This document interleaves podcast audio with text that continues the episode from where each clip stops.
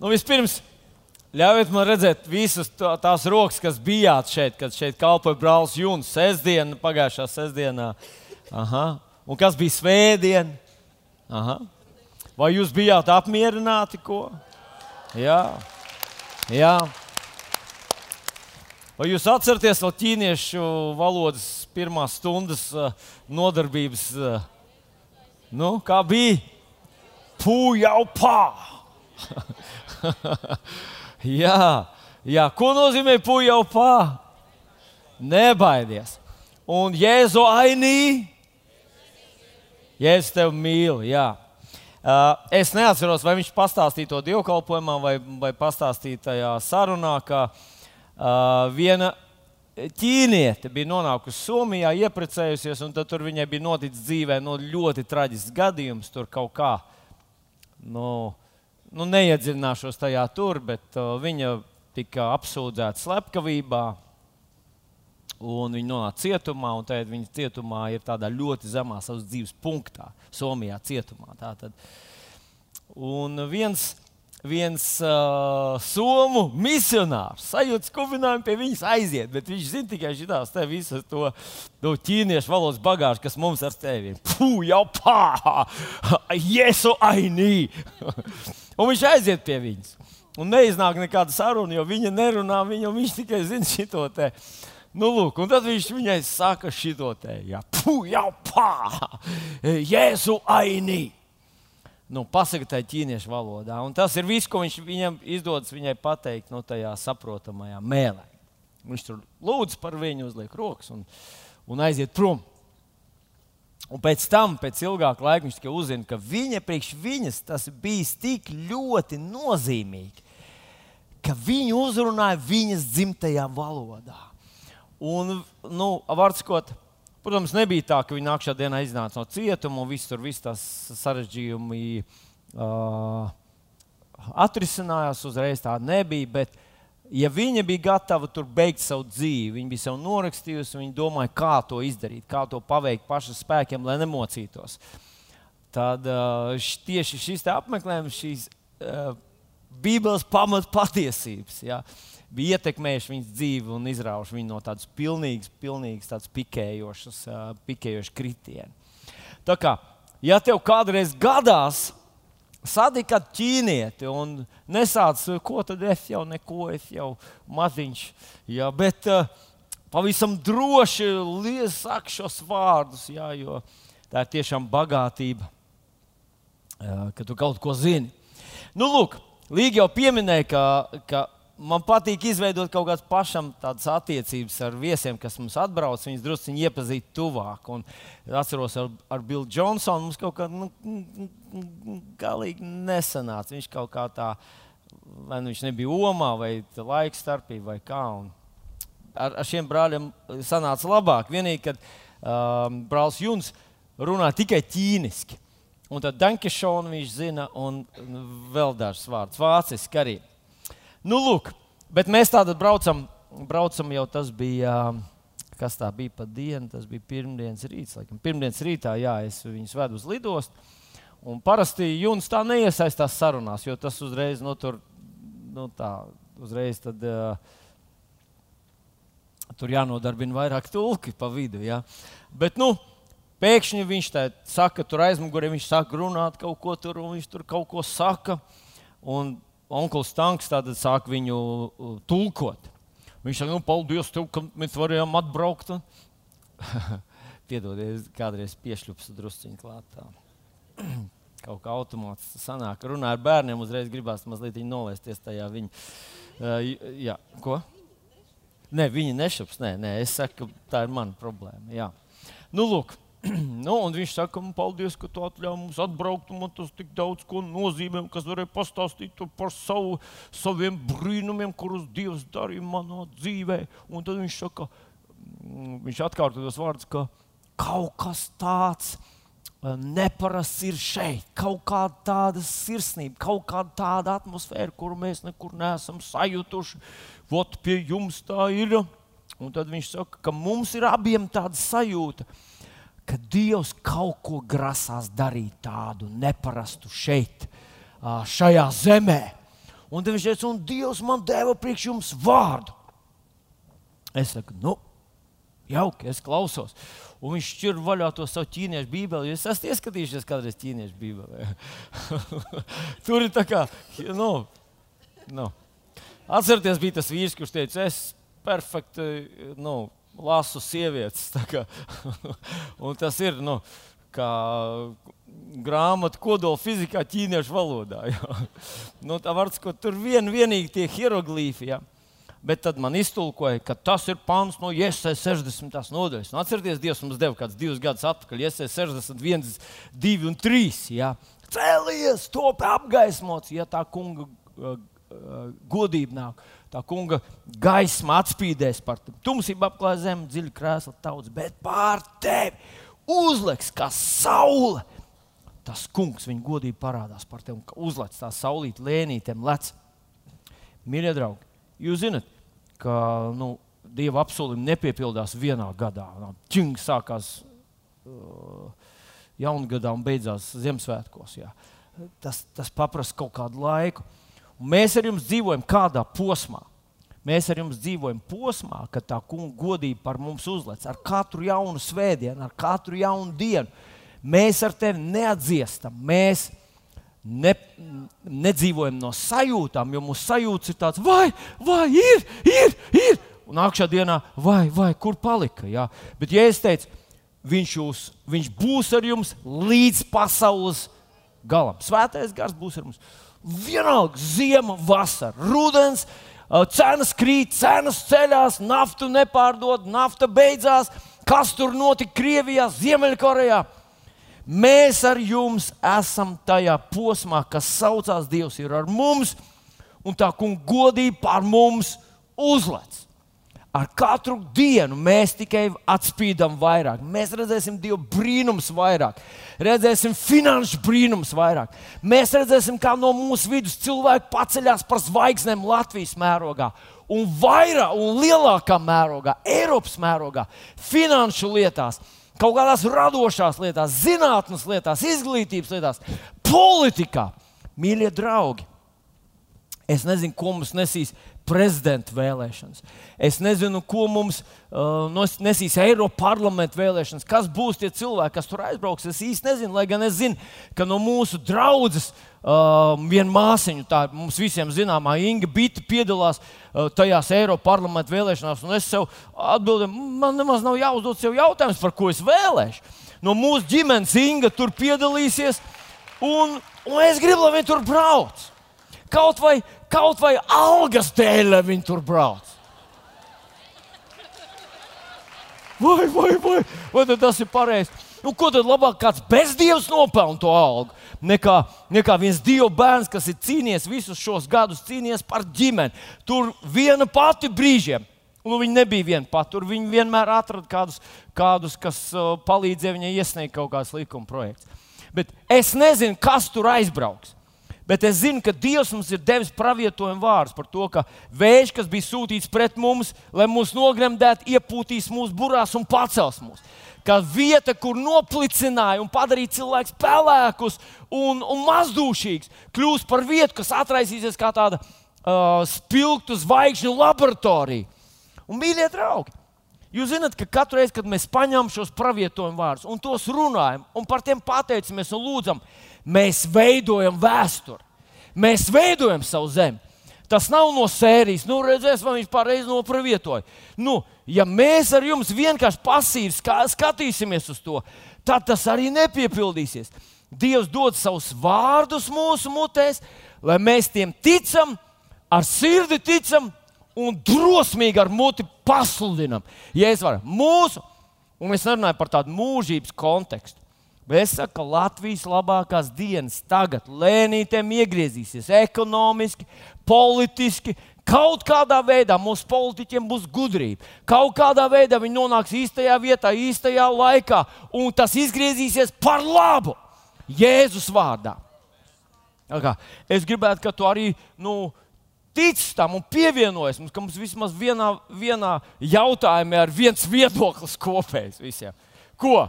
Ko jūs sakat? Mums ir tik daudz dažādu viedokļu. Bet vismaz šajā lietā mēs ticam par savu zemi. ticam, tas nozīmē, mēs to atceramies. Uh, Marka 11, 24. Visu, ko jūs lūgdam, lūgsiet, ticiet, ka jūs to dabūjat. Tad tas jums notiks. Nevis, kad, to, kad tas notiks, nu, tad, tad mēs ticēsim. Jā. Bet ticat, ka jūs to dabūjat, tad tas jums notiks. Un mēs ticam, ka tas tā tiešām notiks Jēzus vārdā. Bet, uh, tad, kas tad ir tas pants, ko Juns teikt? Viņš rāda Iesai 60, 22 mazākais kļūs par tūkstoti un sīkākais par varenu tautu. Viņš savā ķīniešu valodā saka tā: Manā sirdī ir tāda, tāds vārds, ka Dievs šai mazajai necilajai tautai un zemē, kas ir tik maziņa būtībā, salīdzinot ar ķīniešu standartiem, mēs esam viens mazs ciematiņš. Kaut kur tur neviens nezina, kur tas ir, bet viņš ir tur ka Dievs šai nelielajam ciematiņam piešķir neproporcionālu ietekmi. Vai viņš runāja par garīgu ietekmi, vai viņš runāja par, uh, nu, par kaut ko plašāku nekā tikai garīgu ietekmi? Nu, viņš tā īsti nepaskaidroja. Viņš teica, Dievs man deva šo vārdu. Ka jūs, kas esat nedaudz, jūs ietekmēsiet tā, kā lielas tautas un lielas nācijas kuram nav tāda ietekme. Un es to pieņemu. Es teicu, es pieņemu to ar pazemīgu sirdi Jēzus vārdā, un tā tas arī būs. Es gribētu tavu āmenu uz to. Paldies! Jā, debes Tēvs, mēs pieņemam šo vārdu. Mēs tiešām gribam būt par svētību, ne lai mūsu ego pacelt, ne lai mēs sev pliķētu uz plecus, ka mēs esam kaut kas, bet tāpēc, ka tu tā teici, mēs to pieņemam pazemīgi Jēzus Kristus vārdā. Halleluja! Paldies, Tev, Tēvs! Jā, es neteicu, ka Latvijas zelta laikmets tagad būs mūžīgi mūžos, bet es runāju par, par nākamajiem gadiem kaut kādiem, jā, īpaši garīgi, garīgi īpaši. Uh, Dieva svētība būs par Latviju.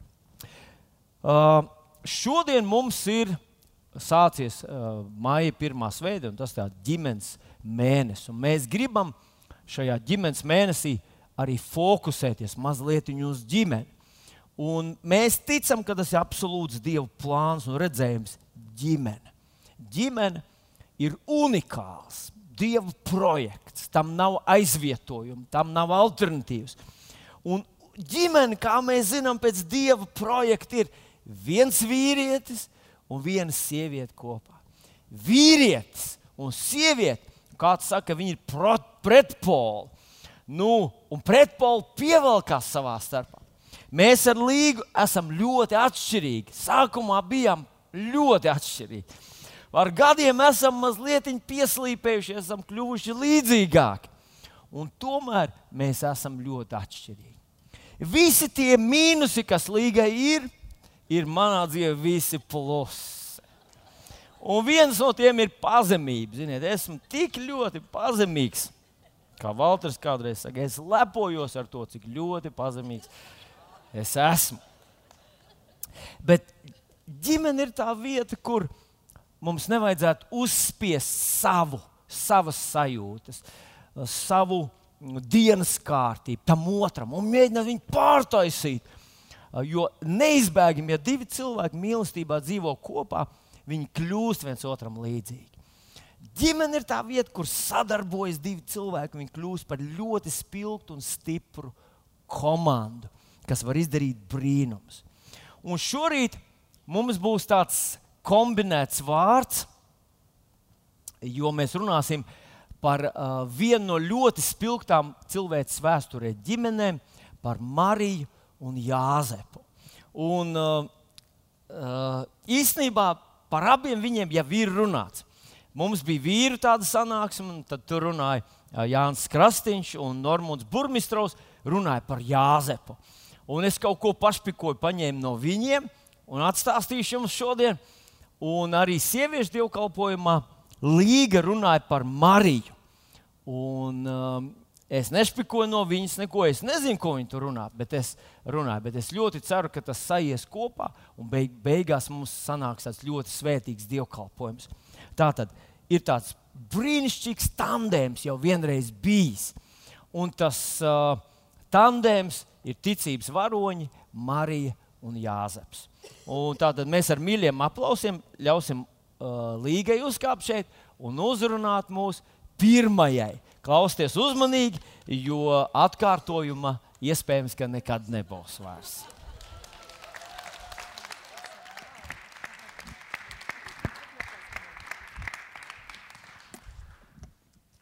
Labrīt!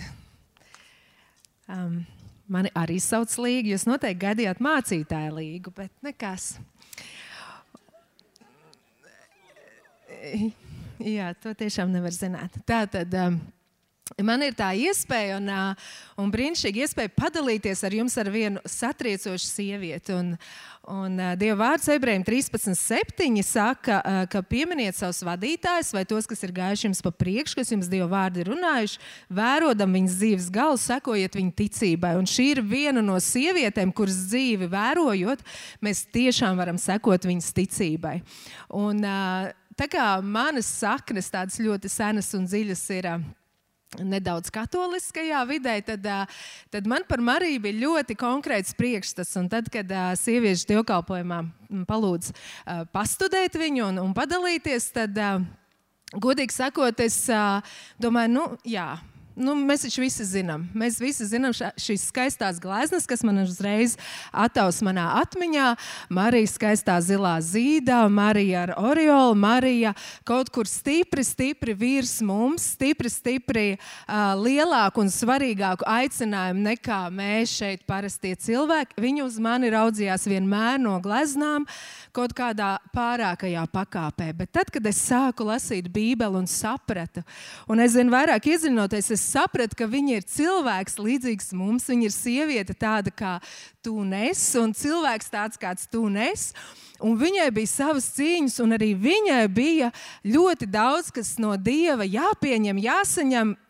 Lai viņi varētu piepildīt savu aicinājumu. Un mēs, cilvēki, viņu esam uzzīmējuši tur, pie pie šī altāra un, un gleznās. Bet, ja mēs varētu paskatīties, un es ticu, ka tad, kad mēs nonāksim debesīs, mēs varēsim paskatīties šos satriecošos video ierakstus, vai varbūt tas būs kaut kas cits, bet mēs varēsim paskatīties šo cilvēku dzīves, patīt šos 2000 gadus atpakaļ. Manuprāt, mēs ieraudzītu pavisam citādāku ainu, nekā mēs esam pieraduši šī Bēntlēmas kūtiņa, šī Marija pie altāra.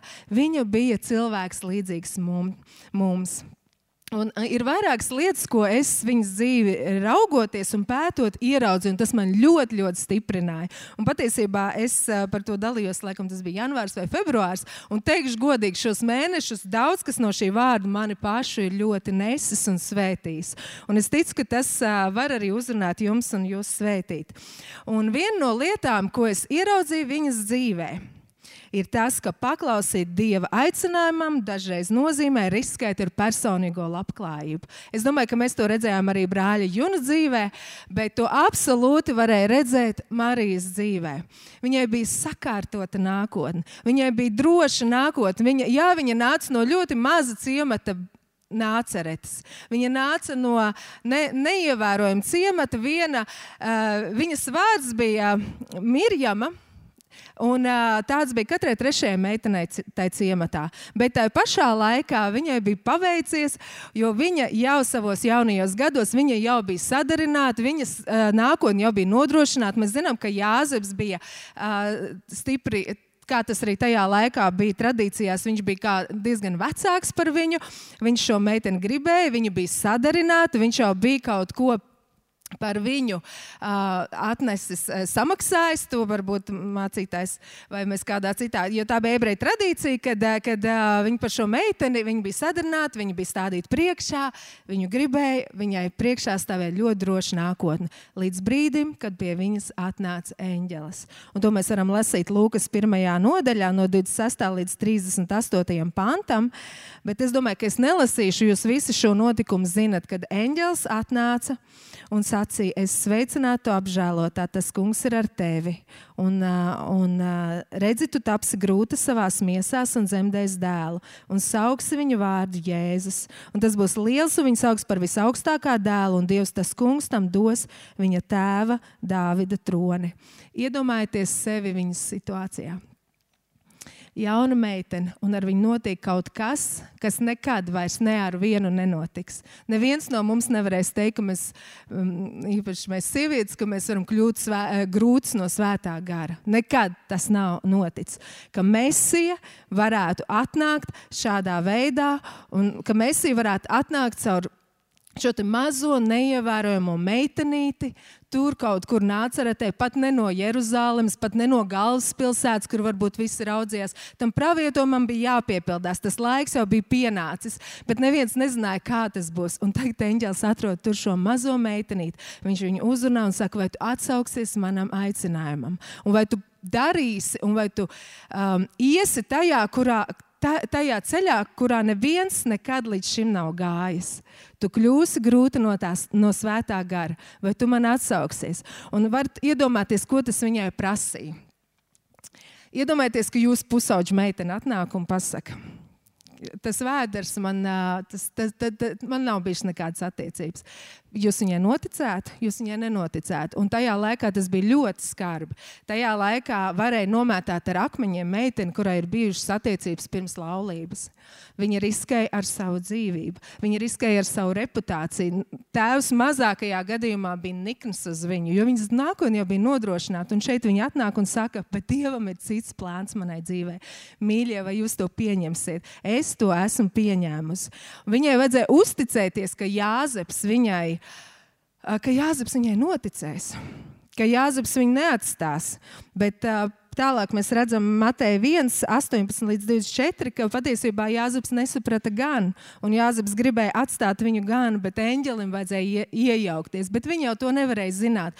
Pirms viņa teica jā Dievam, viņa nevarēja zināt, ka tas viss tiks sakārtots, ka Dievs parūpēsies. Viņai vienkārši vajadzēja teikt jā, un tas bija pirmais solis. Un tas Dažreiz nozīmē riskēt ar personīgo, labklājību, un viņas dzīvē, viņas gadījumā viņa riskēja ar savu dzīvību, lai paklausītu dievam un lai teiktu jā. Bet viņa teica jā, un tāpēc varēja atnākt mesija.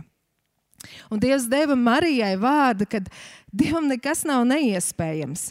Un viņa teica, redz, es esmu tā kunga kalpone, lai notiek ar mani pēc tava vārda. Viņa pieņēma vārdu, viņa pieņēma savu aicinājumu, viņa nolika sevi zem tā. Viņa teica, tu esi boss, lai notiek ar mani pēc tava prāta. Tā ir pirmā mācība, ko mēs no viņas varam izdarīt Mācīties, jā, tas varbūt ir risks, bet tas vienmēr attaisnojās. Bet mums vispirms, tad, kad Dievs nāk pie mums ar savu aicinājumu, ar savu uzdevumu, ar savu, uh, savu vārdu, mums ir jāsaka jā. Lai ko tas man maksātu, es saku jā. Otrais, ko es ieraudzīju, ka dieva labvēlība viņas dzīvē, tas bija spēks piepildīt viņai doto aicinājumu. Tad, kad eņģēlis atnāk pie viņas, uh, Un viņš saka, es esmu sveicināta, tu apžēlotā, tas kungs ir ar tevi. Viņa iztrūkās par viņu valodu un domāja pie sevis, kas tas par sveicienu. Un eņģēlis sacīja, nebīsties, Marija, jo tu žēlastību esi atradusi pie Dieva. Tad, kad mums, iedomājieties, jums būtu eņģeļa um, apciemojums, tas kungs pats jums parādītos. Ne vienkārši vārds sirdī, ne vienkārši mācītājs. Tas nav vienkārši ne mācītājs no kancels, ne, ne varbūt uh, kāds, uh, kāds misionārs, bet pats tas kungs atklājās jums, atspīd Dievu godību un saka, nebaidies Es esmu uzlūkojis tevi, tava, tava dzīve, tava dzīve ir manā priekšā. Es tev dodu savu žēlastību. Kas būtu pirmais, ko tu iedomātos? Tu domātu, wow, viņš grib man svētīt, vai ne? Kur ir mana mašīna, kur ir mans pieaugums, kur ir mans, kur ir mans nākamais. Um, Nākamā izlaušanās, jo es žēlastību esmu atradis tavās acīs. Tātad tu gribi mani pavairot, tu gribi mani svētīt, tu gribi mani, un Dievs to visu grib. Tas ir viņa plānā. Bet pirmkārt, Dieva žēlastība, un pirmkārt, pujau pē, vai kā bija, kad nebaidies, Marija, pujau pē. Pujau pē bija, ja? pujau pā, nebīsties, tu esi žēlastība atradus. Pirmais tas bija, tev ir žēlastība, tev ir spēks, piepildīt tev doto aicinājumu. Nebaidies, Marija, nebaidies. Un dažreiz Dieva žēlastība var nozīmēt, ka mēs zaudējam cilvēku. Dieva labvēlība var nozīmēt, ka mēs zaudējam cilvēku labvēlību. Dažreiz Dieva labvēlība nozīmē, ka mēs paņemam šo aicinājumu, paņemam to, ko Dievs mums ir uzrunājis. Mēs zinām, ka tas ir piedzimis no Dieva. Mēs zinām, ka tas, kas ir mūsos, tas ir atnācis no Dieva. Nozīmē ticēt stiprāk par visiem un par visu šajā pasaulē. Ticēt par šo bērnu, es runāju par šo garīgo bērnu, par savu aicinājumu, par savu ģimeni, par, savu, par to vārdu, ko ir devis Dievs. Nozīmē ticēt vairāk, līdz pārējie to ierauga. Man ir jātic vairāk un stiprāk par visiem. Dieva labvēlība dažkārt nozīmē, ka es esmu nedaudz, varbūt pat vientuļa savā ceļā, jo man ir par visiem jātic stiprāk, man ir jāiznes šis Jēzus kas ir piedzimis šis sapnis, šis aicinājums, šī misija, ko Dievs ir ielicis manā sirdī, man ir viņš jāiznes, man viņš ir jāiznesā, man viņš ir jāatnes šajā pasaulē, jāpiedzemdē. Un man ir jā, un Dievs saka, nebaidies, es būšu ar tevi, man labvēlība un žēlastība tevi neatstās, lai tu varētu to izdarīt. Nebaidies, nebaidies. Un tā tad, jā, viss pārējais pēc tam viņai sekoja, mēs to redzēsim. Bet Bet uh, Dieva žēlastība ir pirmkārt mums dota, lai mēs piepildītu Dieva gribu, lai mēs piepildītu to Dieva misiju, ko Viņš mums ir uzticējis. Nākamais, ko es ieraugu viņas dzīvē. Un, ja jūs kaut kam piekrītat, sakat, tā mēne, savādāk man liekas, ka es tā esmu viena pati. Un uh, nākamais, ko es ieraudzīju, man vienmēr likās, ja Marijai bija tik īpaša misija un tik īpašs aicinājums, ka tad jau viņas dzīvē būtībā lietas notika automātiski. Dievs taču gribēja, tā tad viņa to izdarīs. Par, kā, kāda problēma? Dievs viņu, sētais gars viņu, viņu apēnoja, viņa kļuva grūta, viņa piedzemdēja un tā tālāk. Un tad viņa nokļuva uz tās altāra gleznas. Nebija viss tik vienkārši. Mēs redzam, ka Mirjamai, jeb Marijai, vajadzēja ticību Viņa saņēma vārdu no tā kunga, un viņai tāpat kā tev un man, vajadzēja ticēt. Vajadzēja noticēt tam, ko, ka to, ko Dievs ir apsolījis, to Dievs arī piepildīs. Tātad tas, kas ir teikts Bībelē, ka mans taisnais no ticības dzīvos, tas bija spēkā arī viņas dzīvē. Un Lūkas 1,45, tad, kad viņi tiekās ar Elizabeti. Un Elizabete ir pārņemta ar svēto garu un pravieto viņai. Un tad Elizabete izsaka tādus vārdus. Labi tai, kas ir ticējusi, ka tas, ko Dievs licis viņai sacīt, arī piepildīsies. Jūs saprotat, ka šis nenoliek viņu atsevišķā svēto kārtā. Viņš noliek tajā pašā ģimenē. Mēs ar tevi esam tajā pašā svēto un ticīgo ģimenē, kurā bija tādā pašā kā bija Marija, un viņai vajadzēja pieņemt. Jēzus, par ko bija pravietots, tam taču vajadzēja notikt automātiski. Nē, arī viņai vajadzēja pieņemt vārdu no Dieva, arī viņai vajadzēja noticēt tam. Un Elizabete svētajā garā saka, labi tai, kas ir ticējis, ka Dievs to, ko ir solījis viņai, ka viņš to izdarīs un ka tas piepildīsies. Viņai vajadzēja pieņemt Dieva vārdu. Un Marija visus šos vārdus un, un pētot par viņu, uh, nav ļoti daudz uzrakstīts, bet tomēr ir atsevišķi panti. Es pamanīju vienu interesantu uh, lietu, kas parādās atkal un atkal viņas dzīvē. Ka Marija paturēja Dievu vārdu savā sirdī. Viņa to paturēja mīkstā sirdī un pārdomāja to. Pirmo reizi es to redzu, ka tad, kad, um, kad uh, eņģeļi atnāk uh, eņģeļi atnāk, ne eņģeļi, eņģeļi atnāk pie ganiem, bet gani atnāk uz Bēntlemi, lai uh, pateiktu, ka eņģeļi viņiem ir parādījušies un, un uh, ka šis bērns ir īpašs.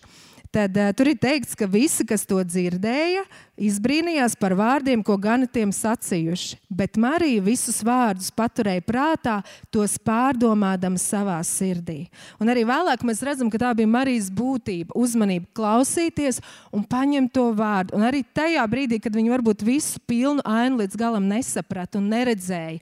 Jo mēs šobrīd skatāmies tā kā 2000 gadu attālumu, mēs redzam pilnu ainu, mēs redzam sākumu, vidu un, un galu. Viņa bija iekšā šajos, kā lai saka, turbulentajos notikumos, šajos neparastajos notikumos, kas ne ar vienu nekad nebija pirms tam noticis. Un viņa redzēja tik tuvu, ka bieži vien viņa, manuprāt, nevarēja saprast. Arī mēs dažreiz, tad, kad ejam cauri grūtībām un, un vētrām, mēs redzam tikai tos milzīgos viļņus, mēs redzam tikai tās lietas, kas ir tuvu mums klāt. Un mēs neredzam to pilno ainu, ko Dievs redz. Un tāpēc es pieņemu, ka uh, Dažreiz mums vajag vienkārši paņemt vārdu un teikt, es tam ticu. Vienalga, jūtu vai nē. Es nezinu, kā tas beigsies un kā tas turpināsies un, un kāds būs nobeigums, bet es zinu, ka tas būs labs. Es zinu, ka Dievs to, ko ir apsolījis, Viņš to izdarīs. Un es zinu, ka Dievs pāri savam vārdam ir paaugstināja savus apsolījumus un ņēma šo vārdu un turēja savā sirdī. Gani teica par viņas dēlu, viņa nesaprata. Lai arī eņģēlis pirms tam bija viņu uzrunājis, viņa vienalga līdz galam nesaprata. Bet tas nemaina lietas būtību. Viņa paņēma to vārdu, viņa paturēja to sirdī. Un tieši tie paši vārdi ir teikt, tas man vienkārši satriec, ka tad, kad uh, Jēzus jau bija piedzimis un viņš tur bija nāceretē mācīja, nē, bet tajā templī Izrēlā. Uh, sorry, uh, Jeruzalemē, kad viņš templī mācīja, un viņš bija pazaudējies, un vecāki aizgāja, un tad viņi trīs dienas viņu meklēja, un viņi atnāca atpakaļ. Un, uh, un tad viņš tiem saka, kam jūs esat mani meklējuši, vai nezinājāt, ka man jādarbojas savu tēvu lietās. Un atkal ir teikts, un atkal tie neizprat uz viņiem sacīto vārdu. Bet viņa māte visus šos vārdus paturēja savā sirdī. Un es ticu, ka tas bija viens no viņas spēka avotiem, viens no viņas veiksmes avotiem par to, ka viņa dzirdēja Dievu vārdu, viņa dzirdēja viņa aicinājumu, viņa to paturēja savā sirdī. Lai arī nesaprata, viņa ļāva tam izaugt, viņa ļāva tam nest augļus. Un šorīt no rīta es dzirdēju ļoti interesantu uh, teikumu par to, ka, uh, lai mums katram ir šī stiprā ticība, kas nāk no Dieva vārda, ka mums katram vajadzētu būt pašam savai ticībai. Uh, Mums nevajadzētu būt dzīvot no second-hand ticības. Tas man pievērs uzmanību, kas ir second-hand ticība. Ka es pazīstu kādu, kurš pazīst Dievu. Es pazīstu kādu, piemēram, mans mācītājs, mans mājas grupas vadītājs, mana mamma vai tēvs. Viņi pazīst Dievu, viņiem ir attiecības ar viņu. Un, un es kā, paļaujos uz to, ka es pazīstu, viņi man pateiks, un tad jau kaut kas notiks un kaut kā gadīsies. Bet nē, man pašam ir jābūt savai ticībai. Un arī Marija Marijai, lai viņa izietu cauri tam, ka viņa izgāja cauri, viņai vajadzēja savu ticību, savas attiecības ar Dievu, un tas nāk tikai no Dieva vārda. Nākamais, ko es ieraudzīju, liekas satriecoši. Viņa saņem, pieņem šo aicinājumu un saprot un redz, ka daudz kas viņas dzīvē it kā sakārtojās. Jā, viņa nenomētā ar akmeņiem, kas bija liela varbūtība. Un liekas, wow, tagad jau manā dzīvē tiks izritināts sarkanais paklājs. Bet tad viņas dzīvē sākās problēmas un grūtības. Un tas, ka tavā dzīvē ir aicinājums, nenozīmē, ka tagad tavs uh, dzīves ceļš būs rozēm kaisīts. Visdrīzāk sāksies varbūt kāda vētra, kāda pārbaudījuma, kādas grūtības. Jo vēl nu nekas vairāk neuztrauc un nebiedē kā cilvēks, kas ir pieņēmis Dieva aicinājumu un sāk iet viņa ceļā. Un ir pieņēmis Dieva vārdu un sāk tam paklausīt. Tas viņu uztrauc. Ja tavā dzīvē, Āmen, ja tavā dzīvē Paldies, Dārvid. Ja tavā dzīvē patiesībā sen nekas tāds traks nav bijis, tad sāc domāt, kādā virzienā tu ej. Piedodiet, tas bija skarbi. Bet paskatīsimies uz Mariju. Paskatīsimies, viņā iedomājieties, sievieti, mēs tagad runājam par ģimeni un par tādu reālu situāciju. Sieviete 8. mēnesī dodas uz tautas skaitīšanu. Es paskatījos kartē, Izraels kartē, no Bēntlēmas, no Nācerets uz Bēntlēmu. Tur ir milzīga kalnu grēda pa vidu. Un tas nebija taksis, kas viņu tur aizveda. Tas bija ilgs un garš ceļš. Visticamāk, tas uh, arī ilga kādu šo mēnesi, jo 9. mēnesī, te, kad viņi nonāca savu ceļu galā, viņa jau bija gatava dzemdēt, tur viņai nebija vietas, kur dzemdēt. Un tad ir mūsu skaistā ainiņa, Bēntlēmas ainiņa, kokā izgriezta katru Ziemassvētku, ko mēs redzam visādos skatlogos, kā tur gaisma apspīdēja un mīļas aitiņus un jēriņi ap viņu bija. Nu, nebija viss tik skaisti. Iedomājieties sevi kaut vai mūsdienu latviešu kūtī. Nu, ne tur skaisti smaržoja, ne tur būtu gaismas stars. Mums vēl būtu gaismas stars. Viņi dzīvo tajā laikā, kad nebija elektrības. Tas nozīmē, tas bija tumšs, piedodiet par izteicienu, nepārāk labi oda. Un vienīgais, kas pieņēma viņas bērnu, bija ne vecmāts un sievietes, kas būtu viņas uh, mājas pilsētā, bet tas bija Jāzeps, kurš, es domāju, visticamāk bija pārbies līdz nāvei. Nu, padomājiet, es domāju, tā bija tā realitāte. Tur nebija skaista gaisma, un jau tur stāvēja apkārt šie trīs, patiesībā vairāk gudrie un kamieļi. Nē, viņi tur bija divi, nē, viņi tur bija trīs patiesībā, jo svētais gars bija ar viņiem. Un tā situācija nebija tik viennozīmīga vienkārši sievietei. Un viņa to izdarīja. Bet uh, nākamais Herods mēģina nogalināt šo bērnu. Herods meklē, lai nogalinātu šo bērnu. Un liekas, kā Tu man devi šo bērnu, tas ir apsolījums, tas ir atbilde visam Izrēlam. Un kas tagad notiek?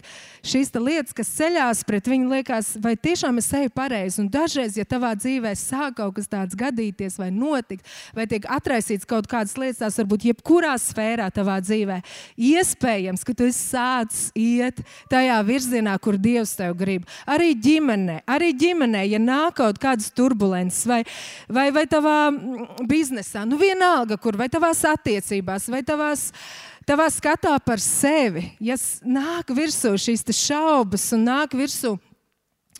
Sāk notikt kaut kādas lietas, iespējams, ka tu ej ļoti, ļoti pareizā virzienā. Iespējams, ka tu esi paņēmis to vārdu un tu to dari. Un viņai problēmas un grūtības bija, bet viņa visas tās uzvarēja svētā gara spēkā. Un tad nāk Gani, kas saka, eņģeļi ir parādījušies, tad nāk gudrie, kas nodrošina viņus ar finansēm uz nezinu cik gadiem. Saka, ka ļoti daudziem gadiem nāk arī tā dievišķā daļa. Bet tajā brīdī, kad tu uzticies un tu vienkārši ej un dari to, ko Dievs tev ir teicis, aiz šī priekškara notiek vienmēr notiek kaut kas vairāk.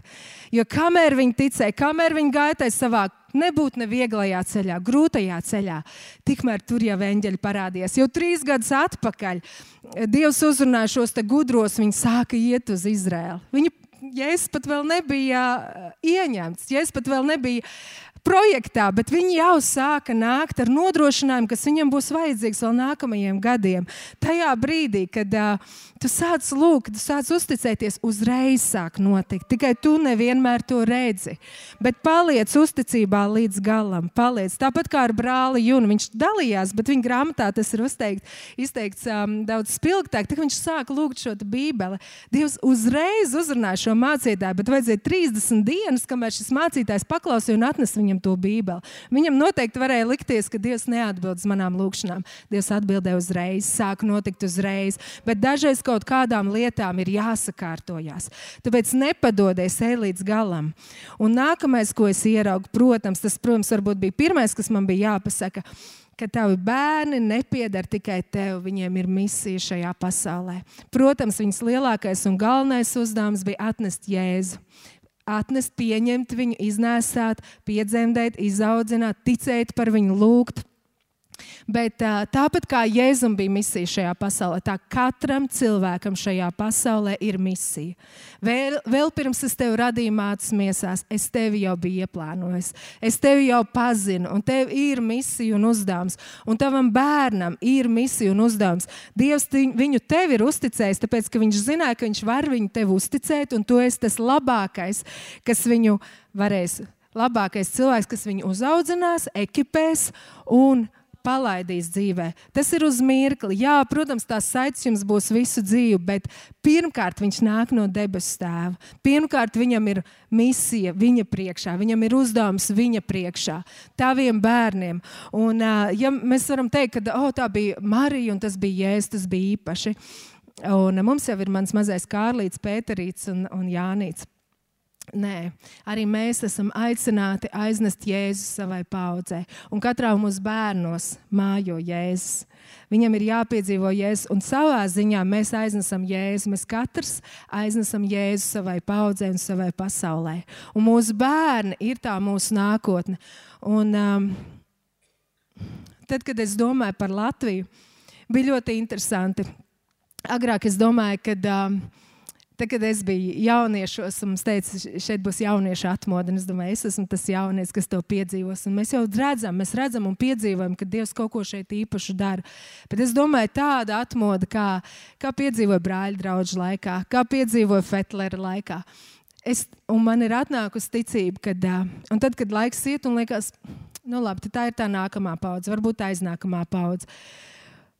Liekas, vai es to piedzīvošu, jā, es darīšu visu, ko es varu. Jā, mēs ticībā ejam un darām, un mēs jau daudz ko redzam, bet es ticu par kaut kādu tādu atmodu, kuru nevar sajaukt ne ar ko citu. Es ticu par tādu atmodu, ka Dievs pats uzrunā. Jā, mēs iesim, darīsim, mēs iesim misijā. Bet tā kā tajā Svetlera laikos, man tiešām gatavojot šo 18. novembra pasākumu, atnāca šī ticība. Nu, tāda dziļa ticība, kad būs atmodu Latvijā. Man ir pilnīgi vienalga, cik man būs tajā laikā gadu. Pilnīgi vienalga. Es ticu, ka es kaut redzēšu to, bet es zinu, ka tas stāv mums priekšā. Un tie ir tie mūsu nākošie, ir, tie ir tie mūsu bērni, kas to iznesīs. Tie ir tie mūsu bērni, kas tajā laikā būs kalpotāji. Un tad, kad mēs vienu trešdienu lūdzām par to, uh, Tie ir tie mūsu bērni, kas redzēs. Un tad notiks, ka es izliešu savu garu pār visu miesu, un jūs dēlu un jūs meitas pasludinās nākamās lietas. Jūs vecie redzēs atklāsmes sapņos, jaunie redzēs parādības par kalpiem un kalponēm, izliešties pašās dienās savu garu. Tie ir mūsu bērni. Jā, mēs to piedzīvosim, bet viņi būs tie, kas dzīvo šīs atmodas epicentrā. Tad kāds ir tas?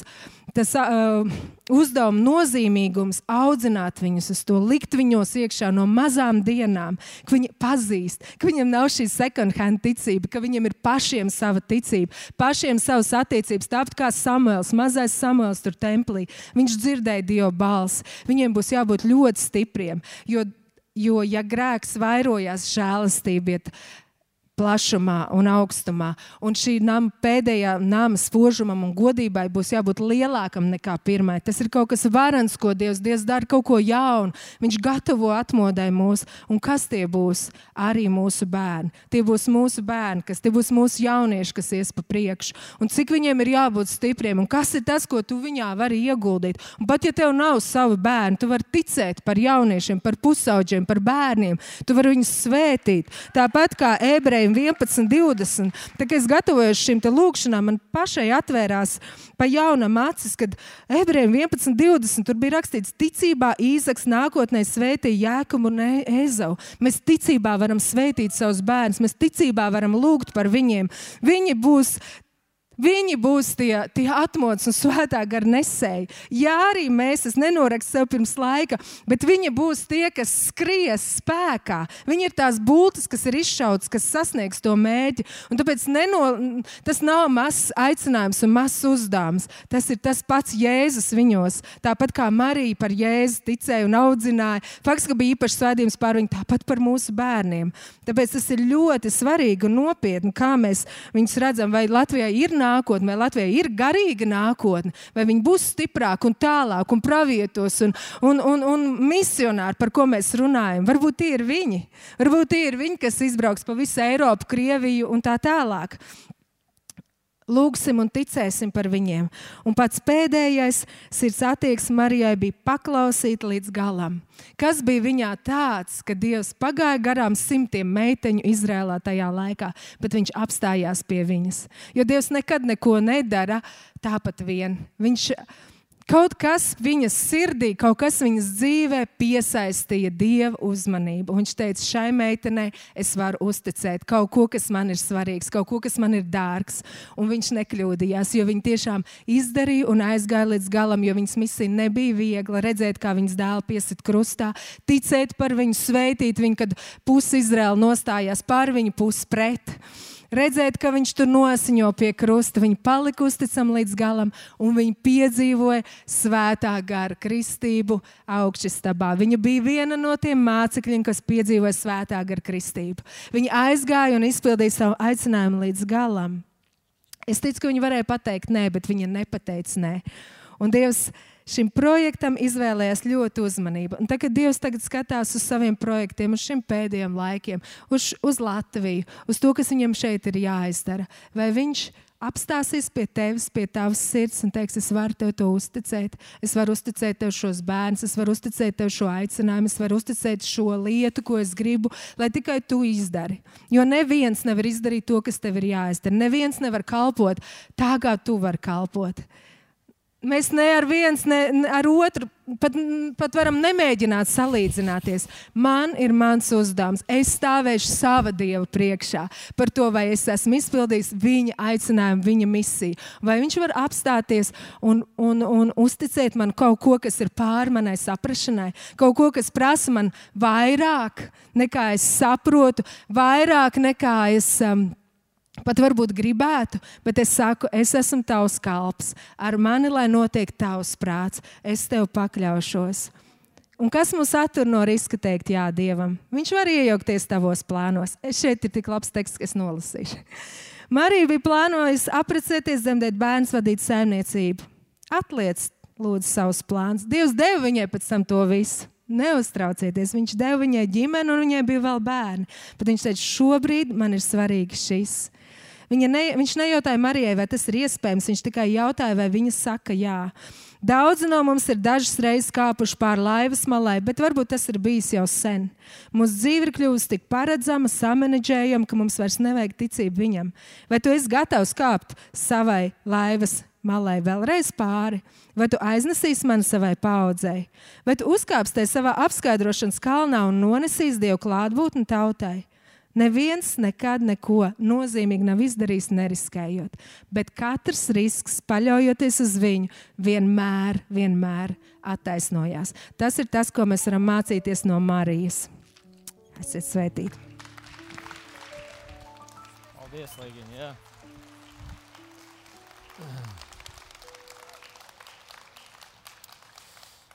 Klausoties līgu Un uh, uzzinot kaut ko vairāk par Mariju, mēs saprotam, ka Dieva darbs nav iedomājams bez sieviešu līdzdalības.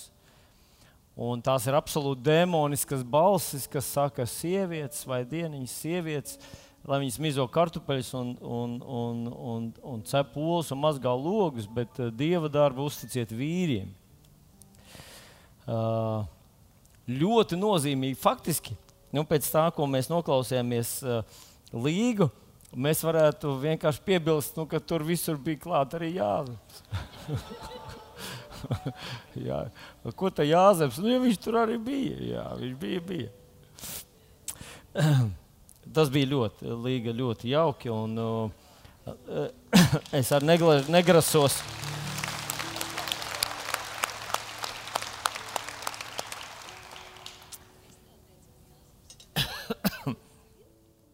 Jā es negrasos nemaz nu, kaut, ko, kaut ko noniecināt. Es vienkārši gribētu mazliet līdzsvarot. Un ļoti svarīgi ir sievietes loma. Tik tiešām viņu nevar aizvietot, un vīrietis, cik arī viņš nebūtu talantīgs, un uzticams un ticīgs, un nezinu, kāds viņš nevar izdarīt to, ko var izdarīt tikai sieviete. Bet šo, šobrīd man gribas mazliet parunāt par Jāzepu. Par viņu ir uzrakstīts maz. Viņš ir it kā runājis maz, lai gan diez vai tā ir taisnība. Uh, ļoti interesanti, ka eņģēlis atnāca pie Marijas un neteica viņai, es aiziešu parunāšu ar Jāzepu. Viņam vienkārši vajadzēja sarunu ar, ar Mariju. Marija teica, jā. Un interesanti, ka tad, kad tas pats eņģēlis aiziet pēc tam pie Jāzepa, viņš viņam neprasa atļauju. Ziniet, mums kādreiz vīriem liekas, ka mē, mēs par visu atbildam, jo, ja es to nezinu, jā, tad, tad tas nevar būt patiesība. Uh, bet uh, Dievam ir absolūti personīgas attiecības ar, ar, ar tavu sievu. Viņš var viņu uzrunāt. Dievam var būt viņas vienkārši ar sievieti. Jā. Dievam var būt viņa projekts, viņa plāns, viņa vēlmes. Un tur nav obligāti ja vajadzīgs vīri ziedelis virsū, ka es tam piekrītu, pieņemu, sadarbošos ir ļoti svarīgi, lai vīrietis sadarbojas un atbalsta sievieti. Un tur tas vispār vīriešu un sievietes kalpošanā, ja viņi viens otru ciena un atbalsta un sadarbojas, tas ir, tā, tā, tas ir brīnums, tas ir spēks. Un, ja viens no otra, no otra jūtas apdraudēts, vai ģimenē, tas nedod Dievs, tas notiek ģimenē, jā, ka sieviete jūtas apdraudēta no savu aizstāvja. vai aizstāvs jūtas apdraudēts no savas vājākās puses, tad ir, nu, tad ir skumji un traģēdija. Bet paskatieties mazliet. Tā tad centa, cenšas uh, uzzinājis. Es domāju, ka Marija viņam stāstīja, kas ar viņu visu noticis un kas tagad notiek viņā. Un Jāzeps to uzklausīja. Es domāju, ka viņš viņu mīlēja no visas sirds, cik vien viens vīrietis uh, taisns un dievbijīgs, kā tie ir rakstīts. Var mīlēt vienu jaunu meiteni, viņš mīlēja viņu no visas, visas sirds. Bet tad viņi saka, paklausies, bet te ir tā, tad man te parādījās eņģelis, un es te esmu stāvoklī. Un, un mēs nevaram gaidīt līdz augustam, kad mums ir plānotas kāzas, jo es jau dzemdēšu jau mm, jūnijā. Un tajā laikā tas bija nopietni. Līga jau pieminēja, ka tas gandrīz vai. Un tad, kas tad ir rakstīts? Kas ir par rakstīts mm, par Jāzepu, kur es nosaucu par redzējumu, aicinājumu cilvēku? Mateja evanģelijā pirmajā nodaļā rakstīts, ka viņš, būdams taisns un negribēdams viņai darīt kaunu, taisījās viņu slepeni atstāt. Un, ko tas nozīmē slepeni atstāt? Vienkārši pazust. Jau mūsdienās ir grūti pazust. Kā tas bija tajās dienās? Pie kam viņam tur bija nu, māja, kur viņš dzīvoja, viņam tur bija kaut kāda radi, kaut, kāds, kaut, kāds, uh, kaut kāda darbnīca, kaut, kas, uh, kaut kāda viņa lieta. Kā tas ir pazust? Kā tas ir pēkšņi pazust? Tikko viņš izlika pārdošanā savu veikalu, vai kas viņam bija, tā uzreiz aizgāja valodas, un viņam vajadzēja to. Un viņš pie sevis to domāja, slepeni viņu atstāt. Alternatīvas bija kādas, vai nu darīt viņai kaunu. Ziniet, kā iznest to ļaužu valodās un pūļu tiesai. Jā. Es nezinu, kas tas ir. Es neesmu vainīgs. Paskatieties viņa stāvoklī, ja izspriediet, kas te ir. Nu, viņš būtu sagādājis viņiem pamatīgi kaunu. Pat ja viņi būtu skaidrojuši visiem cilvēkiem, man ir tiešām tādas pašas šaubas, kā līgai, ka cilvēki to būtu sapratuši un noticējuši. Tā vai viņu atstāt, un viņš vai pazust. Un Jāzeps uzņemās to grūtāko misiju - izmainīt visu savu dzīvi, mainīt savu atrašanās vietu, mainīt savu dzīves vietu. Tikai tāpēc, lai nesagādātu tai meitenei kaunu, lai uzņemtos to kaunu uz sevi, ka tu esi tas sliktais, kurš es pavadinājis un pametis. Viņš bija tiešām tāds džentlmenis. Džentlmenis. Un viņš tā pie sevis domā, un pie viņa atnāk eņģelis un saka viņam, Jāzep, tu Dāvida dēls, nebīsties Mariju savu sievu ņemt pie sevis, jo kas viņai iedzims, ir no svētā gara. Viņa dzemdēs dēlu, tā vārda tev būs saukta Jēzus, jo viņš atpestīs savu tautu no viņas grēkiem. Bet tas viss notiks, lai piepildītos praviešu vārdu, ko viņš runāja ar pravietu, redz, jau nav būs grūti, dzemdēs dēlu, viņa vārdu sauksim Mānuēls, Dievs ar mums. Un Jāzeps uzklausīs šo eņģeļa tekstu, uzreiz dara tieši tā, kā eņģelis viņam pavēlēja. Tur rakstīts, pavēlēja. Eņģelis viņam arī neprasīja, ko tu domā un kā tev liekas. Viņš viņam pavēlēja. Jāzeps tā arī darīja. Ziniet, es lasu mazliet vēl tālāk. Tā tad mēs visi zinām, ka viņi dodas uz Betlēmu. Viņš nepaspēja nogādāt viņus tur. Viņam jāmeklē mājas vieta, viņam tas neizdodas. Viņi iemet, iemetinās kūtī. Un tad liekas, tā vien liekas, ja, ka nu, tā jau daudz visādi faileri. Uh, vēl atnāk gudrie, un ra lasot rakstus, ir tāds sajūta, ka gudrie atnāca šodien, un tajā pašā nākamajā naktī viņam parādās eņģelis un saka, beidz! Tev vēl nav trauka nomazgāt pēc gudru atnākšanas. Vēl tur viss, nu, tikko bija svinības, un mums dāvana sadāvināja tur tepiķus un visu kaut ko tur ir tāds pētījums izdarīts, ko tad, šie, ko tad parasti tādās reizēs dāvināja. Tur bija tik daudz visādi lietu, kuras un tagad beidz naktī. Un, zinot, ir rakstīts par Jāzepu, ka viņš tiešām tajā pašā naktī paņēma māti un bērnu un bēg. Man, es esmu viens no paklausīgākajiem vīriem šajā draudzē. Paskatieties apkārt, kurš vēl ir paklausīgāks par mani. Man būtu uzreiz visādi jautājumi. Es būtu teicis, tu nevarēji pateikt nedēļu atpakaļ. Tu taču esi Dievs. Tu nevarēji man brīdināt, vai es būšu sapakojies, jau salicies. Ko var vienā naktī paņemt? Atcerieties, kā mūsēji tie, kurus izsūtīja uz Sibīriju. Viņiem iedeva divas stundas attaisīties tāpat kā Jāzepam ar Mariju. Divas stundas tas ir Dieva dēls, eņģeļa dziedāja, un mēs te, kad, kad tas viss piedzima. Un tad mums ir jābēg naktī prom uz kurienu? Uz Eģipti. Mēs zinām, Eģiptē cita valoda, cita nācija, cita kultūra, cita nauda. Mums jābēg uz turieni. Un viņš, viņš dara tieši to, ko viņš ir iesācis darīt. Viņš bēg tajā pašā naktī.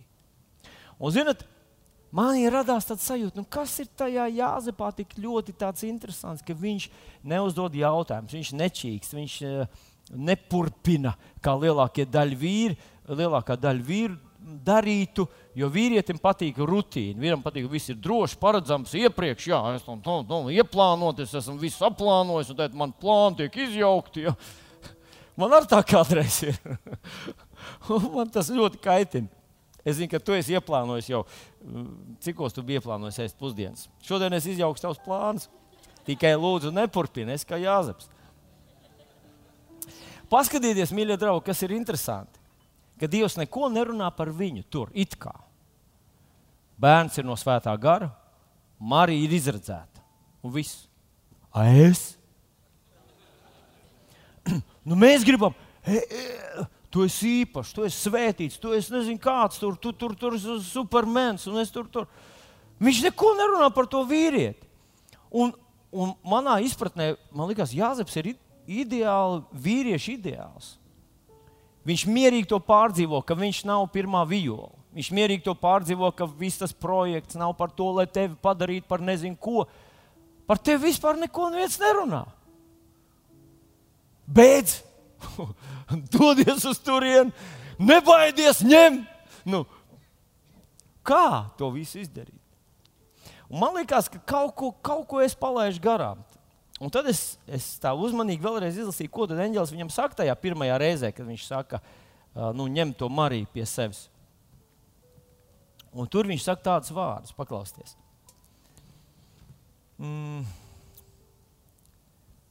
Jāzep, tu Dāvida dēls. Nebīsties Mariju, savu sievu, ņemt pie sevis, jo kas viņā iedzimis, ir no svētā gara. Tu Dāvida dēls. Tas darīja uzmanīgi mani. Kāpēc Dāvida dēls? Jūs noteikti arī esat lasat vienmēr Mateja evanģēlīja pirmo nodaļu, Lūkas evanģēlijā pirmo nodaļu, kur visi tie radu raksti. Un es palasīju tos Jāzepa radu rakstus. Zinat, viņa vec, vec, vec, vectēvs bija Dāvids. Nākošais viņa vectēvs bija Salamans. Pēc tam nākošais viņa dēls bija Salamana dēls Rehabēms. Un pēc tam tā vienkārši ar neapbruņotu aci, vienkārši uzmetot aci visiem tiem radu rakstiem, tu atradīsi desmit karaļus, kas visi ir bijuši Jāzepa uh, senči. Viņš nāk no karaliskas dzimtas. Un īstenībā, ja tā, ja tā kā to sauc, sukcesija būtu turpinājusies, ja tā pēcsacība būtu turpinājusies, Jāzeps būtu šobrīd ja, uh, um, ebreju tautas karalis. Viņš bija pirmais pretendents uz troni. Un, zinot, tas man uzreiz šī situācija man izskaidroja to, kāpēc Jāzeps dzīvoja tādu ļoti piesardzīgu dzīvi. Jo atcerieties, valdīja Herods, kurš sadarbojās ar romiešiem. Viņš bija īstenībā savs tautas nodevējs, un kā vēsturnieks saka, viņš pats nemaz nebija īsts ebrejs. Tā kā uz troņa sēdēja kāds, kurš tur nebija cienīgs atrasties. Jāzeps bija tas, kuram pa īstam pienācās būt pēc dieva izredzētības, pēc dieva vārda, ko Dievs bija teicis Dāvidam, ka viņš saglabās viņa, viņa nekad netrūks vīri, kas sēdēs uz Dāvida trūņa, ķēniņa troņa, Dāvida pēcteča. Un tas bija Jāzeps. Un tāpēc Jāzeps dzīvoja tādu dzīvesveidu, kas piemīt vai kas raksturojas cilvēkam, kurš, kuram, ir pre, mm, kuram ir vara uz troni, un kuru parasti valdošie grib nogalināt, jo, jo tas ir tas viņa konkurents, tas ir tas, kas, nu, kas var viņu gāzt vai var pretendēt uz to, kas šobrīd lieto kāds cits. Tāpēc viņam bija vieglāk pazust. Viņš tā dzīvoja, tā dzīve, tādu piesardzīgu, ļoti tādu dzīvi, neatklāja par sevi neko daudz, jo viņš nāca pa taisno no ķēnišķīgas dzimtas. Un esmu pārliecināts, ka Jānis bija ļoti turīgs. Nu, kā, kā, kā, tur nekur nav rakstīts, ka viņš bija turīgs. Bet padomā, viņa vec, vec, vec, vec, vectēvs ķēniņš Dāvids noziedoja miljardus uh, draudzes celtniecībai. Vai viņš tiešām būtu atstājis savus bērnus tukšus? Un pēc tam viņa nākošais tēvs bija Salamans, kurš vispār viņa laikā sudraba vispār cilvēku ne par ko neuzskatīja. Tam bija tā, tā, tā tas bija zaudējis vērtību, zelts un diamanti. Un ekonomiskais uzplaukums bija tāds. Salamana laikā nu, bagātība bija milzīga. Un es ticu, nu, tas tā kā kaut vai mūsu draudzē ir, ir, ir kaut kādas uh, bijušas tādas dzimtas, kam druskuļi garākas saknes, viņiem ir kaut kāda dzimtas dārguma, tur kaut kādas zelta lietas, kaut kādas tur, kaut kādu izstrādājumu no kaut kādām lietām. Es pats esmu redzējis dažus no viņiem, kad cilvēki saņem savā sirdī, ka viņi grib noziedot to dievu darbam. Tas bija gan diezgan la ilgu laiku atpakaļ. Esmu pārliecināts, ka viņam bija kaut kāda mantojuma, kāds ģimenes īpašums. Viņam, kā pirmdzimtējiem, pēc visiem tiem ķēniņiem, viņam bija kaut kāda īpaša bagātība, īpaša pieeja resursiem, kas normāliem, parastiem cilvēkiem nebija. Līdz ar to viņa uzdevums bija dot mantinieku. Viņš nāca no karaliskas dzimtas, un, ja jūs palasītu Marijas ciltsrakstus, kas ir Marks vai Lūkas apraksts, Marijas ciltsrakstus, Marija arī nāca tikai pa citu līniju. Viņa nāk tieši no Dāvida. Arī Marija ir no ķēnišķīgas dzimtas. Un īstenībā tas ir ideāls pāris. No ķēnišķīgas dzimtas nāk Jāzeps, un no ķēnišķīgas dzimtas, no tās pašas Dāvida cilts, nāk Marija. Viņu pēctecis būs nākamais pretendents uz troni. Un kad Dievs viņam saka, ka tas, kas viņā iedzimis, ir no Dieva, jo vispār nu, ebreji e, uzskatos. Tas, kurš ielika pirmo ķēniņu, bija Dievs. Atcerieties, pravietis no, paņēma, izredzēja Dāvidu un padarīja viņu par ķēniņu un nopravietoja, ka viņam pēctecis vienmēr sēdēs uz, uz troņa. Tā kā Viņam tas bija absolūti normāls sajūta, ja, ka viņa pēctecis tam jābūt īstam, tam jābūt īstam karaliskam pēctecim, tādu, kur nevar apstrīdēt. Viņam, tam bērnam, ir jābūt. Nu. Un, kad atnāca tie austrumu gudrie, viņas apsveikt, Jānis vienkārši malā mierīgi stāvēja un skatījās. Vispār, kad jūs redzējāt, Jānis, viņš negāja tāds. Viņš gāja kā cilvēks kurš apzinājās savas saknes, apzinājās to, ka viņš nāk no ķēnišķīgas dzimtes, ka viņa vecais tēvs no debesīm skatās, viņa vecais, vecais, vecais, visi tie desmit gabali. Nu, iespējams, ka vairāk, bet es tā ātrumā izskaitīju vismaz desmit man zinām ķēniņu. Un tā kā viņam to glābt bērnu būtu kā glābt mantinieku. Viņš savus bērnus nedēva, lai kāds cits to uzaudzina. Šodien tas ļoti populāri vīrietis satais bērns, un pēc tam saka, nu, lai kāds cits viņus uzaudzina.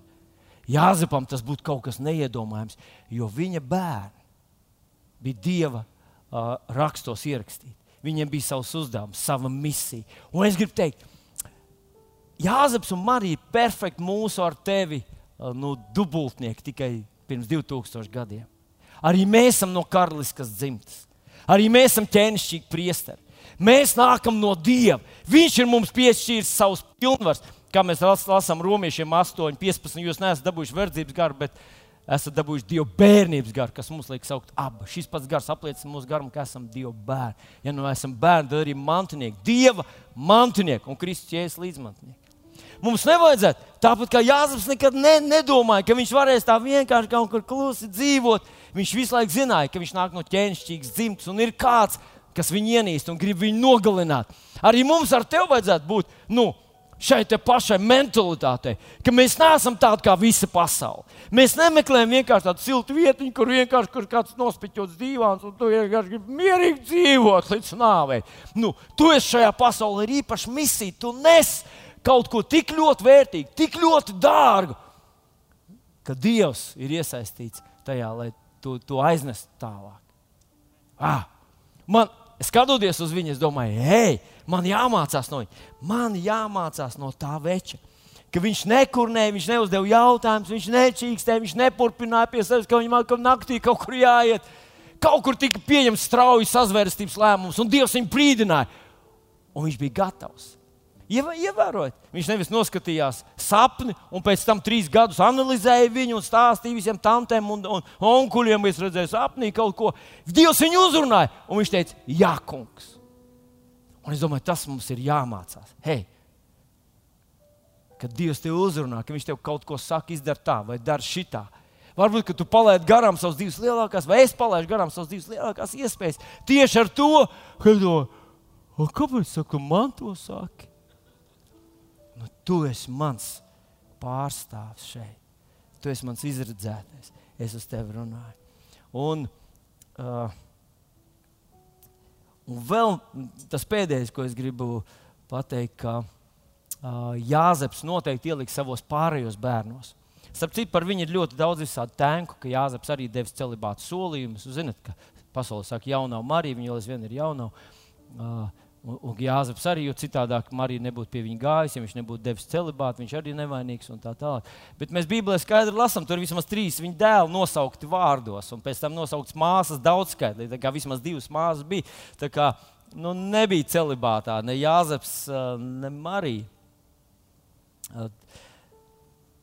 Bet kas noteikti viņā bija, ka viņš respektēja Jēzu. Viņš viņu respektēja kā nākamo valdnieku. Un starp citu, kad pie Jēzus virs krusta pielika to uzrakstu, jūdu ķēniņš, tas nebija baumas, tas nebija kaut kāda ironija, tas bija burtiski. Jo cilvēcīgi pa mātes līniju un pa patēvu līniju viņš bija karalis. Viņš nesāja sevī karaliskas asins. Protams, viņš vēl vairāk viņš bija dzimis no dieva, Bet tas bija burtiski tieši tā, ka tur tika piesists krustā, nogalināts ebreju valdnieks, ebreju karalis, Dāvida pēctecis, un, protams, arī Dieva dēls.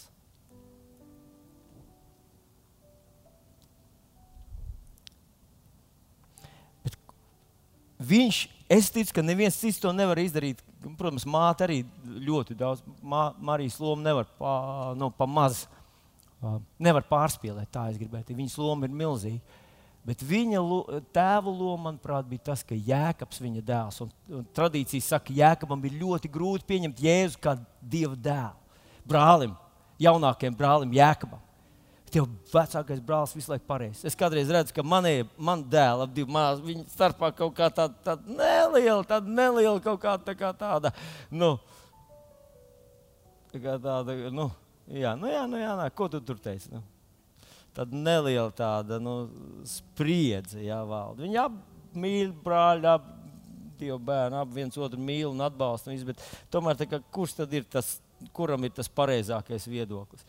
Un, Kaut kas Jēkabā arī noteikti bija Jēzus paraugs. Viņš viss izdarīja pareizi. Vecāki vienmēr teica, vai tu nevari būt kā Jēzus, vai tu nevari būt kā Jēzus, vai tu nevari darīt kā Jēzus, vai tu nevari ēst kā Jēzus, vai tu nevari gulēt kā Jēzus, vai tu nevari tur, tur, tur skaties uz savu Jēzu. Nu, viņam tas bija nu, tā. Bet tēvs viņam teica, viņš ir izredzēts. Viņš ir Dieva īpaši izredzēts. Un šie tēva vārdi palīdzēja viņam kļūt par vienu no Jēzus kvēlākajiem sekotājiem, kurš nomira par savu, nu, ja mēs tā runājam, par savu mīsīgu brāli. Viņš nomira asinsliecinieku nāvē, viņš sludināja cilvēkiem savu mīsīgu brāli kā mesiju. Tas ir brīnums. Un es redzu tajā visā tēvu šo figūru, tēva lomu kurš nealka pēc tā, ka pats nonāktu uz uh, starmeša gaismā. Es, es, par mani uzrakstiet! es taču to visu izdarīju. Veči, atbrīvosimies no tā. Vīrieši, jūsos nav tas iekšā. Ja? Es kādreiz sevī kaut ko tādu Un tad man nāk prātā tā rakstvietiņa, kur rakstīts, ka, ja tu pasniedz pravietim glāzi ūdens, tikai tāpēc, ka viņš ir Dieva pravietis, tu saņem pravieša algu.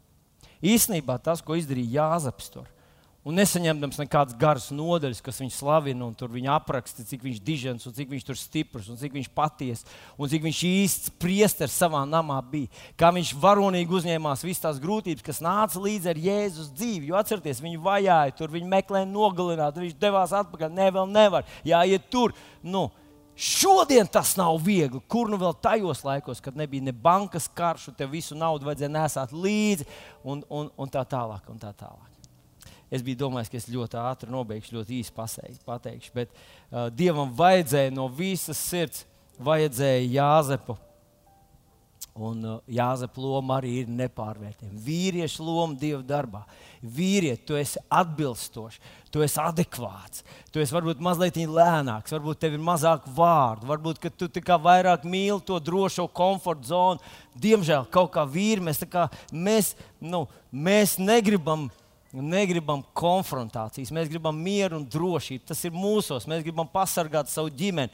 Mēs gribam radīt tādu uh, situāciju, ka viss ir droši, ka naudiņas ir vairāk nekā vajadzēs, vēl druskuļi paliks pāri. Mēs gribam, lai nekāda riska mājās nav. Ja, ja mums kaut kur, uh, nu, es nezinu, vai jums kādreiz tā ir, kad, kad tev viss tas tavs. Tavs padomīšs tā nodils, nodils, nodils, pavisam plāns, un tad tu paņem pēdējo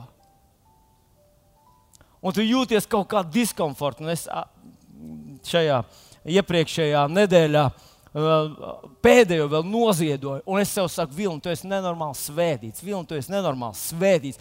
Bet tas ēzels manī, tas nu, ēzels, es domāju, tas, kurš pēc veciem standartiem, mums nekā vairs nav, mums nav nekāds rezervīts. Un tā, manam tēvam vienmēr varēja atrast rezervīti. Viņa tur vecs metāls karājās skapī, un tur vienmēr tajā dziļajā kabatā tur bija maza rezervīta. Viņam maza alga, bet viņam vienmēr bija maza rezervīta. Un viņš man to ielika iekšā. Jā. Man neinteresē, kāda tev alga, tev ir rezervīta. Un tu to atdod, un tad, un, un tad Dievs to atbild. Un Dievs pēkšņi tevi iepriecina, atnāk no citas puses, pilnīgi negaidīt, ne, necerēt. Čing, atnāk tas saka, ha, ha, ha, ha. Halleluja! Vīri, ar, ar to es gribu teikt, vīri, mēs esam radīti, lai dzīvotu ticībā, lai uzticētos Dievam. Arī tad, kad tā rezervīta izkūst, un viņas nav vispār, viņas varbūt nav jau divas nedēļas, nav rezervītas. Un varbūt gadu nav rezervīts. Tu vēl aizvien esi spējīgs, tā kā Jāzeps, mm, Kristus dēļ un viņu vārda dēļ aiziet līdz galam. Un, un tad romiešiem 8, 17, 18 atgādināšu tikai jums to pantiņu. Jo tiešām, ja līdz ar viņu ciešam, mēs līdz ar viņu tiksim arī apskaidroti. Un tad tas nākošais pāns ir tas, kas, kas, kuram vajadzētu mūsos izraisīt eifóriju. Es domāju, ka šī laikmeta ciešanas ir nenozīmīgas. Es domāju, ka šī laikmeta ciešanas, kuras mēs ar tevi ciešam Kristus dēļ, tāpēc ka mēs nevaram dzīvot kā visi. Jo mēs nevaram vienkārši tā nu, nu, nu, atslābināties un vienkārši dzīvot sev. Ir nenozīmīgs salīdzinājumā ar to godību, kas par mums atspīdēs. Tas, ko mēs ciešam viņa dēļ, varbūt tas, ka tu esi savā mājā, tu esi ģimenes galva, tu esi kristietis. Un tu saviem bērniem gribi būt labs piemērs. Tu gribi būt labs piemērs uz ielas, Jēzus vārdā. Jūs, jūs zināt, man ir viena no vājībām. Es, es, es, mēs tuvojamies noslēgumam. Tūlīt jau godu vārds. Šausmas. Uh, man ir tāds cepurīte, kur rakstīts Jēzus ir mans kungs, angļu valodā. Un vienā dienā mēs braucam, uh, es, es braucu, jā. Es braucu, un man ir tā problēma, ka ne, es daļēji piestrādāju satiksmes no tajā drošības birojā, jau man jāpārmāca visi tie, kas ne, nepieklājīgi uzvedās uz, uz ceļa. Un tad viens tā kā, nu, tā kā tramvajs vienkārši tur. Un es kā, varbūt ne, neļāvu viņam iebraukt tur, kur vajag. Un, un tad viņš tur rādīja man visādi zīmes, ka es esmu evanģēlists un, un, un, un tā tālāk. Un es uz viņu skatos, Un pēkšņi man kā zibens ķēra, ka uz manas cepures nu, ir rakstīts, Jesus is my boss. un tas kā zibens nu, ķēra man un momentāli uzspied uz bremzēm un ielaid to cilvēku iekšā. Un, Halo! Es nevaru darīt tā, kā es vienmēr būtu darījis. Kāpēc? Tāpēc, ka es šeit reprezentēju debesis. Es nevaru mājās plosīties, kā es būtu plosījies, ja es būtu dzērājis alus vēders un, un, un vienkārši, vienkārši parasts letiņš. Nu, kāpēc? Tāpēc, ka man bērni ir nākamie, nākamie dievu dēli, kas aiznesīs viņu vārdu, kas izglābs cilvēkus. man ir disciplīnas gars. Un tas brīžiem liek viņam pierauties, cik tas ir veselīgi, cik tas ir brīnišķīgi un veselīgi, ka tu to miesu pierauj. Jēzus vārdā es beigšu plēpāt, bet uh, ja mēs līdz ar viņu ciešam, mēs ar, līdz ar viņu tiksim apskaidroti. Un tās ciešanas šobrīd ir nenozīmīgas salīdzinājumā ar to godību, kas par mums atspīdēs. Paldies Dievam par sievietēm, kalpotājiem. Es esmu pateicīgs Dievam par savu sievu, kur ļoti bieži ir gudrāka par mani. Un šādi tad viņi man iesaka kaut ko, un tas izjauca visu manu sākumu. Ārprāts, kā var. Nu. Un es izlaboju pēc viņas ieteikumu visu, un pff, daudz labāk. Un es esmu pateicīgs Dievam par savu sievieti. Es esmu pateicīgs par draugu kalpotājiem, sievietēm. Jūs zināt, kāda mēs būtu, ja mums nekalpotu sievietes? Mēs būtu viena astotā daļa no tiem, kas mēs te esam. Paldies Dievam par sievietēm. Bet, zināt, paldies Dievam par vīriem. Paldies Dievam par vīriem, kas sevi nenoniecina, neaprok sevi. Kas tad, kad tev neizdevās tur aiz, un tu vienīgais, ko atradi dzemdību vietā, ir kūtiņa, un, un vēl pats pieteicies pieņemt dzemdības, kā Līga mums tikko pierādīja. Ja. Nu, vēl zemāk nav kur krist, man liekas. Tu sev nenorakstīji, ja, bet tu zini, ka tu nāc no ķēnišķīgas dzimtas un tu nākošā reize atkal uzņēmies uh, atbildību uz sevi. Teic, Dievs, es gribu to izdarīt, palīdzi man. Un esmu, man priekš tevis ir ziņa, Dievs tev palīdzēs.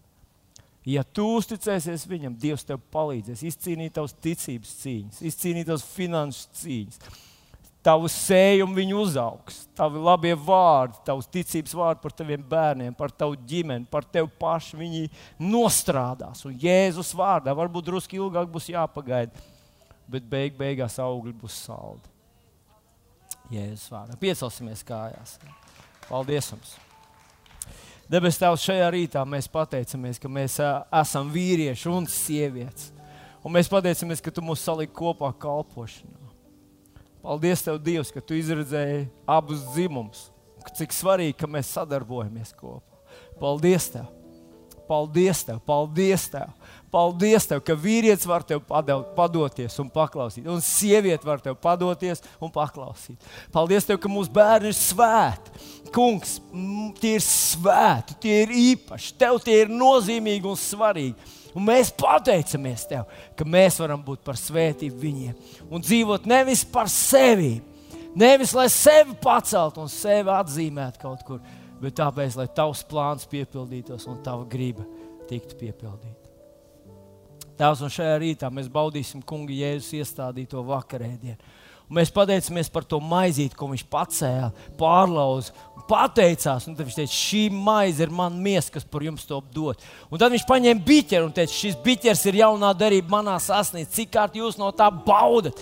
Ziniet, ka jūs piedarat ķēnišķīgam dzimumam, ka jūs esat dievam īpaši, ka esat mīlestības un, un svētības derībā ar Dievu.